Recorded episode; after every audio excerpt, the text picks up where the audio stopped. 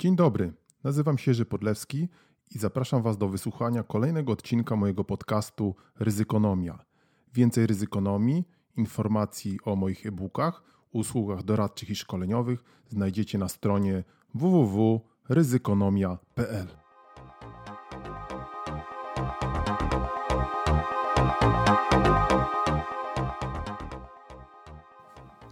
dobry, dzień dobry, dzień dobry. Kolejny odcinek podcastu Ryzykonomia ze świnką.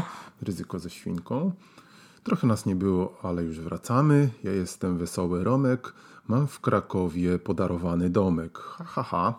To zaczynamy od takiego suchara. Przy okazji właśnie nam się rzuciło w oczy, że nasz blog Ryzykonomia istnieje już 10 lat. Pierwszy artykuł na blogu napisaliśmy w 21 października, właściwie zamieściliśmy 2009 roku. Oj, ponad 700 wpisów, kawał ryzykonomii, kawał życia.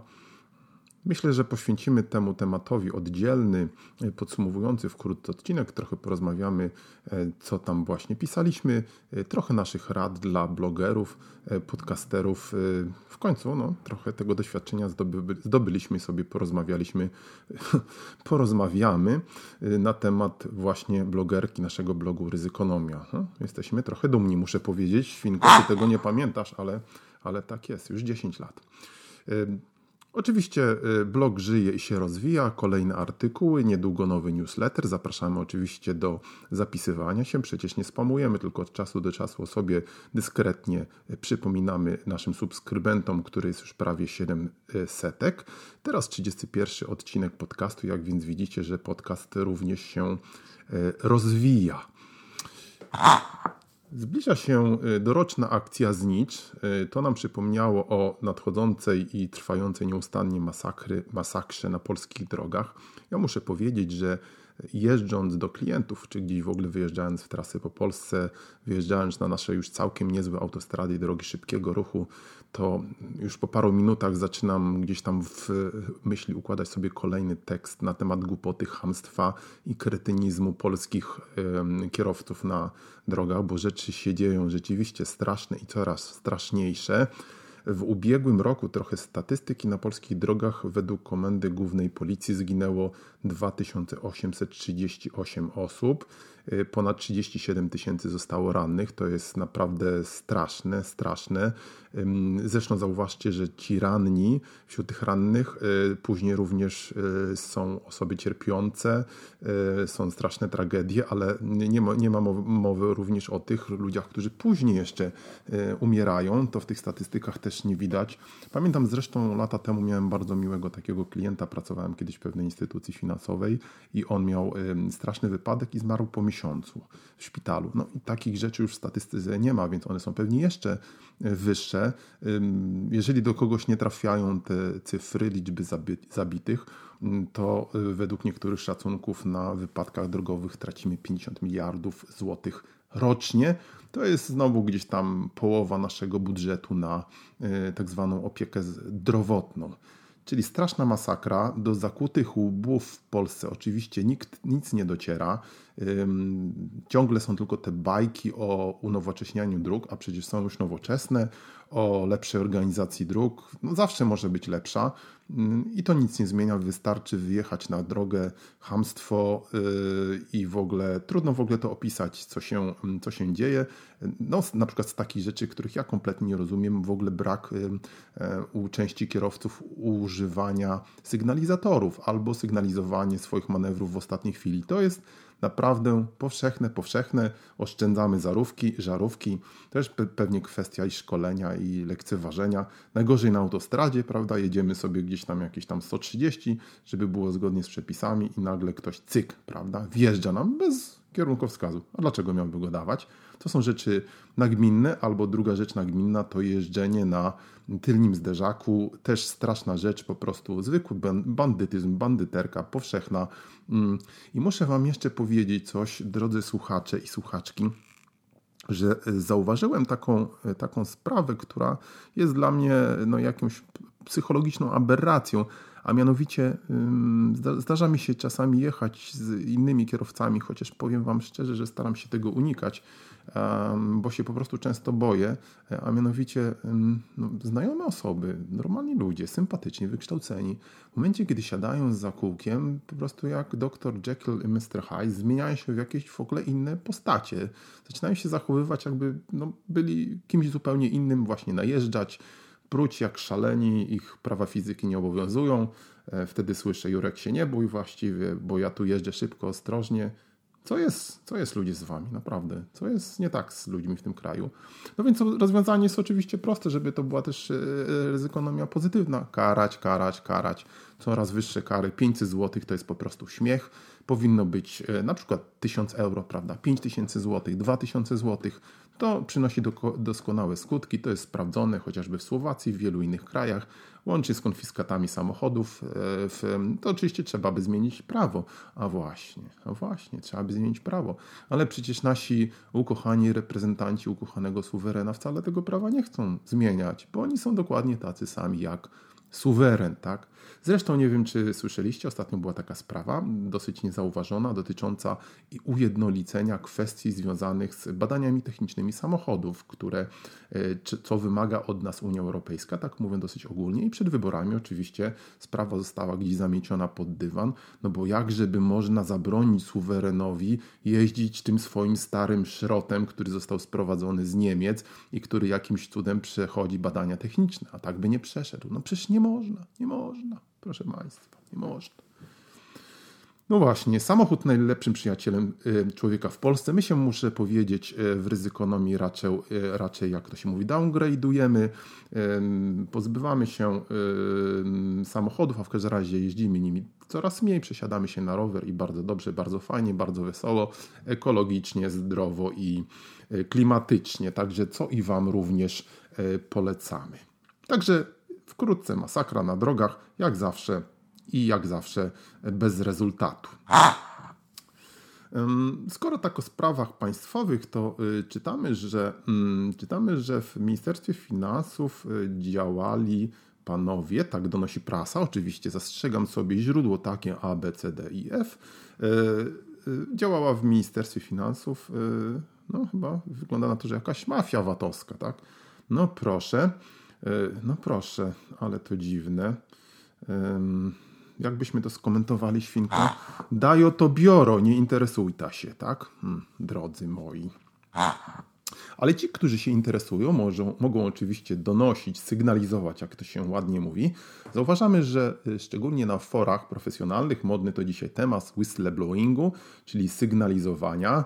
E, zachęca się e, różnego rodzaju sygnalistów, którzy e, zauważyli jakieś nieprawidłowości, żeby o tym sygnalizowali. Zresztą y, to jest temat też bardzo ciekawy, mówiłem o nim wielokrotnie, pisałem w Stanach Zjednoczonych jeszcze Dodd-Frank Act, czyli taki zespół ustaw y, po wielkim kryzysie właśnie wzmocnił tą rolę whistleblowerów w Securities Exchange Commission amerykańskim, czyli, czyli Komisji Nadzoru Papierów Wartościowych, GIEł, tak jak to się kiedyś u nas nazywała, teraz oczywiście y, wchodzi to w skład KNF-u. O, proszę bardzo, jaki my mamy świetny ten KNF. E, świetny, świetny oczywiście. To w tym to biuro whistleblowerów oferuje e, czy nagradza whistleblowerów e, nagrodami za właśnie to, co my nazywamy donosami, a co, co donosiciel po, po angielsku, jak to by było, in, the Informer, tak? Zresztą The Informer, po, po, polecam taki świetny film z Russellem Crowe i Alem Pacino, no, to jest świetny aktor fantastyczny, dotyczący właśnie takiego whistleblowera, sygnalisty z przemysłu tytoniowego, który pięknie, pięknie pokazuje, co czeka whistleblowerów.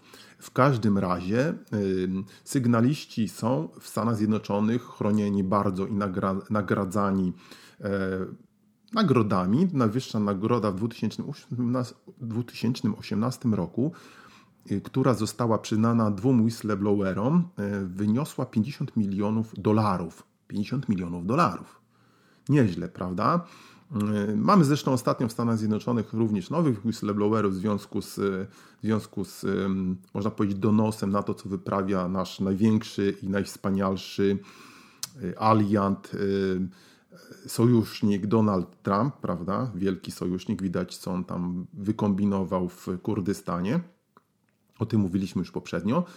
I whistleblower, zdaje się CIA albo FBI doniósł właśnie, poinformował, ale tym razem nie SEC, nie Securities Exchange Commission, tylko inne, zdaje się, prokuratury odnośnie właśnie rozmów Trumpa z prezydentem Ukrainy. To też jest przykład whistleblowingu. W Polsce whistleblowing też oczywiście jest. Kimże innym był Piotr Szczęsny, ten szary obywatel, który no nie, nie mówił o jakichś sprawach przecież nieznanych wszystkim, ale on przecież też sygnalizował, prawda? Obudźcie się. No nie obudzili się ludzie, a co tam? Naprawdę duża postać uważam. E, wielki szacunek i pamięć.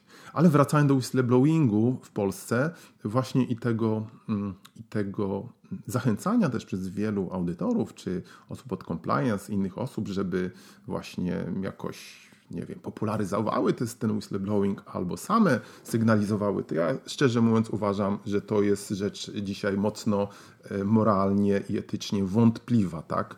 E, przy braku ochrony whistleblowerów, przy tym, co się dzieje z mm, wymiarem sprawiedliwości, zachęcanie innych ludzi, żeby sygnalizowali i narażali się przecież, bo to zawsze jest wszędzie na świecie wielkie niebezpieczeństwo, e, różnego rodzaju nieprzyjem, nieprzyjemności, to jest, e, to jest nie w porządku po prostu. Zawsze powtarzam, jak chcecie, to dawajcie dobry przykład. Ja oczywiście przyklasnę wspaniale, ale namawiać innych, no to jest zupełnie inny temat. Oczywiście namawiamy wszystkich do edukacji. Edukacja jest rzeczą niezmiernie ważną. Słuchaliśmy ostatnio takiego propagatora, można powiedzieć, rozwoju innowacji, edukacji z jakiegoś ministerstwa, który opowiadał bajki, jak to my będziemy przechodzili teraz do gospodarki 4.0, 5.0, a może 88.0.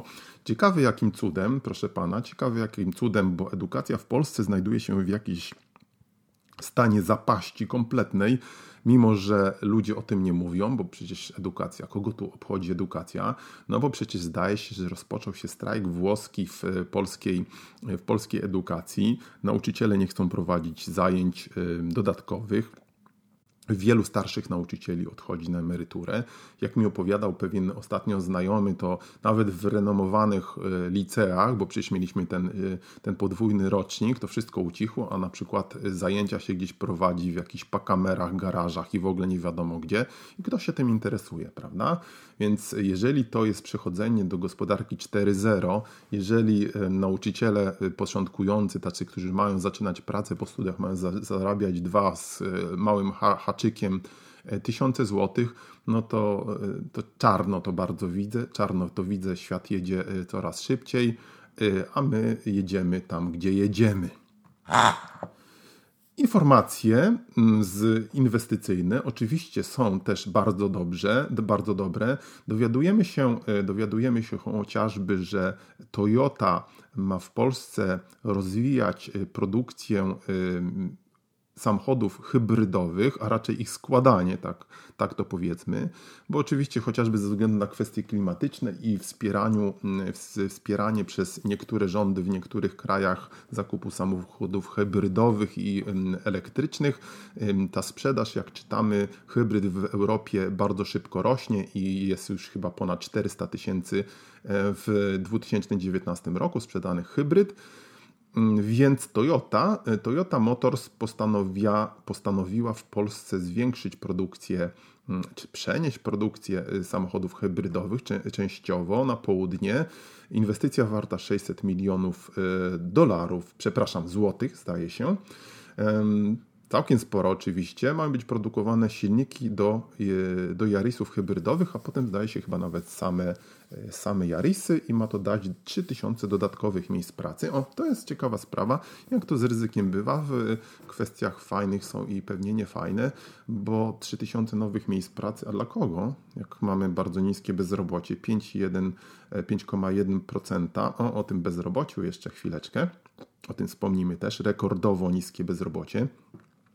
Więc ściągamy tutaj wielkie montownie, bo przecież nie nową technologię, bo co by tu nie mówić, to y, po tych y, różnych historiach i rozwoju montowni y, samochodowych w Polsce jakoś nie widać, żeby w polski przemysł motoryzacyjny jakikolwiek technologię w ten sposób zdobył, albo żeby on w ogóle był, tak?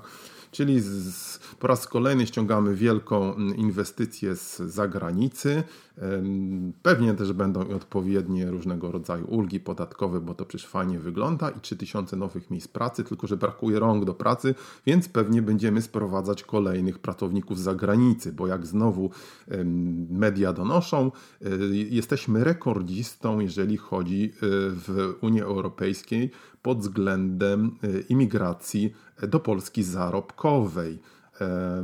Mamy w stosunku do 2000, 2017 rok, w stosunku do 2017 roku, w 2018 było o 40% więcej w ogóle pozwoleń na pracę, najwięcej w Unii Europejskiej.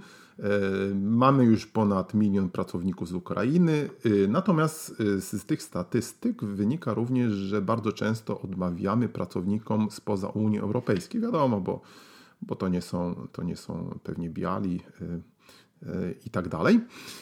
A może z innych przyczyn, oczywiście pewnie się nie kwalifikują.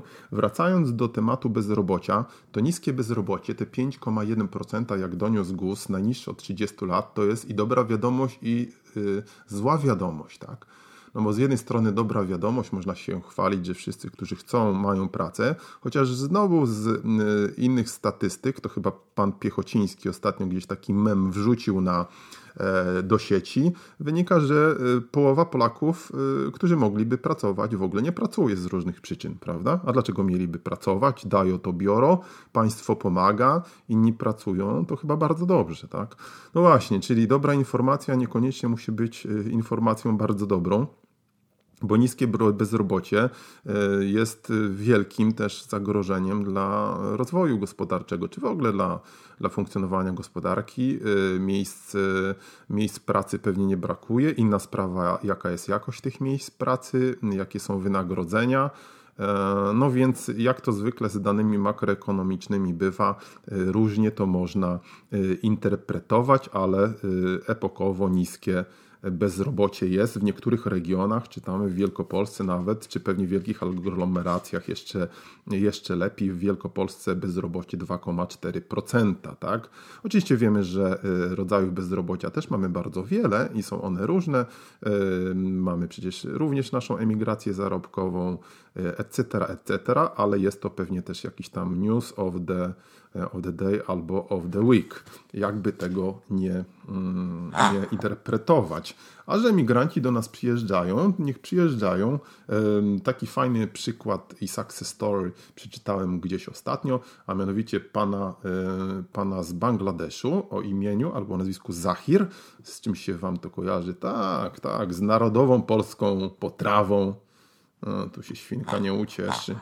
Kebabem, tak? Czy kebabem E, kebaby, jak wiadomo, są wszędzie, tak jak pizza jest wszędzie, czyli gdybyś to jakiś Marsjanin w Polsce wylądował raptem to i po, pojechał, poleciał chyba swoim spotkiem czy innym jakimś cygarem latającym do y, wybranego polskiego miasteczka na północy, na południu, wschodzie czy zachodzie, y, to by pewnie od razu pomyślał, że Polacy najwięcej jedzą właśnie, jedzą właśnie kebabu albo pizzę, bo to jest, y, tak wynika też z naszych różnych peregrinacji po różnych prowincjach za klientami, nie tylko kebab i pizza są wszędzie. Mówiąc krótko, pan Zahir 6 lat temu po przyjeździe do Łodzi założył sieć kebabów, która liczy obecnie w Polsce ponad 60 punktów. Więc całkiem niezłe success story, sieć się rozwija i biznes się rozwija. Bardzo nam się to podoba, chociaż śwince pewną mniej, prawda? Bo to w końcu mięso a my też staramy się jedzenie mięsa ograniczać i z przyczyn klimatycznych i nie tylko, również zdrowotnych, bo to podobno za zdrowe nie jest, żeby tego mięsa za dużo jeść. Wracając do jeszcze tematów, które nam się tutaj pojawiły, o, polecamy Wam razem ze Świnką blog pana prezesa Nartowskiego, naszego e, starego znajomego z Polskiego Instytutu Dyrektorów. Była taka organizacja, e, która propagowała mm, ład korporacyjny, o corporate governance.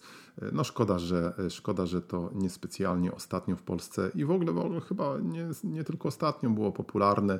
Jest grupa ludzi, która to popularyzowała, ale słabo z tym jest bardzo. W każdym razie pan prezes Nartowski, świetny dziennikarz, dalej pisze pisze swój blog, y, Andrzej Nartowski, możecie o corporate governance, możecie to wygooglać. Fajny ostatni artykuł dotyczący szykującego się przejęcia M-Banku, bardzo znany wszystkim przedsiębiorcom i nie tylko, bank internetowy przede wszystkim, y, który należy do tej pory, jak wiecie, do niemieckiego Commerzbanku, który chce się tej polskiej swojej tego swojego polskiego oddziału pozbyć, chce go sprzedać i różne teraz chodzą znowu słuchy o nadchodzącej y, polonizacji, a y, prawdopodobnie również zgodnie z obecnymi trendami nacjonalizacji.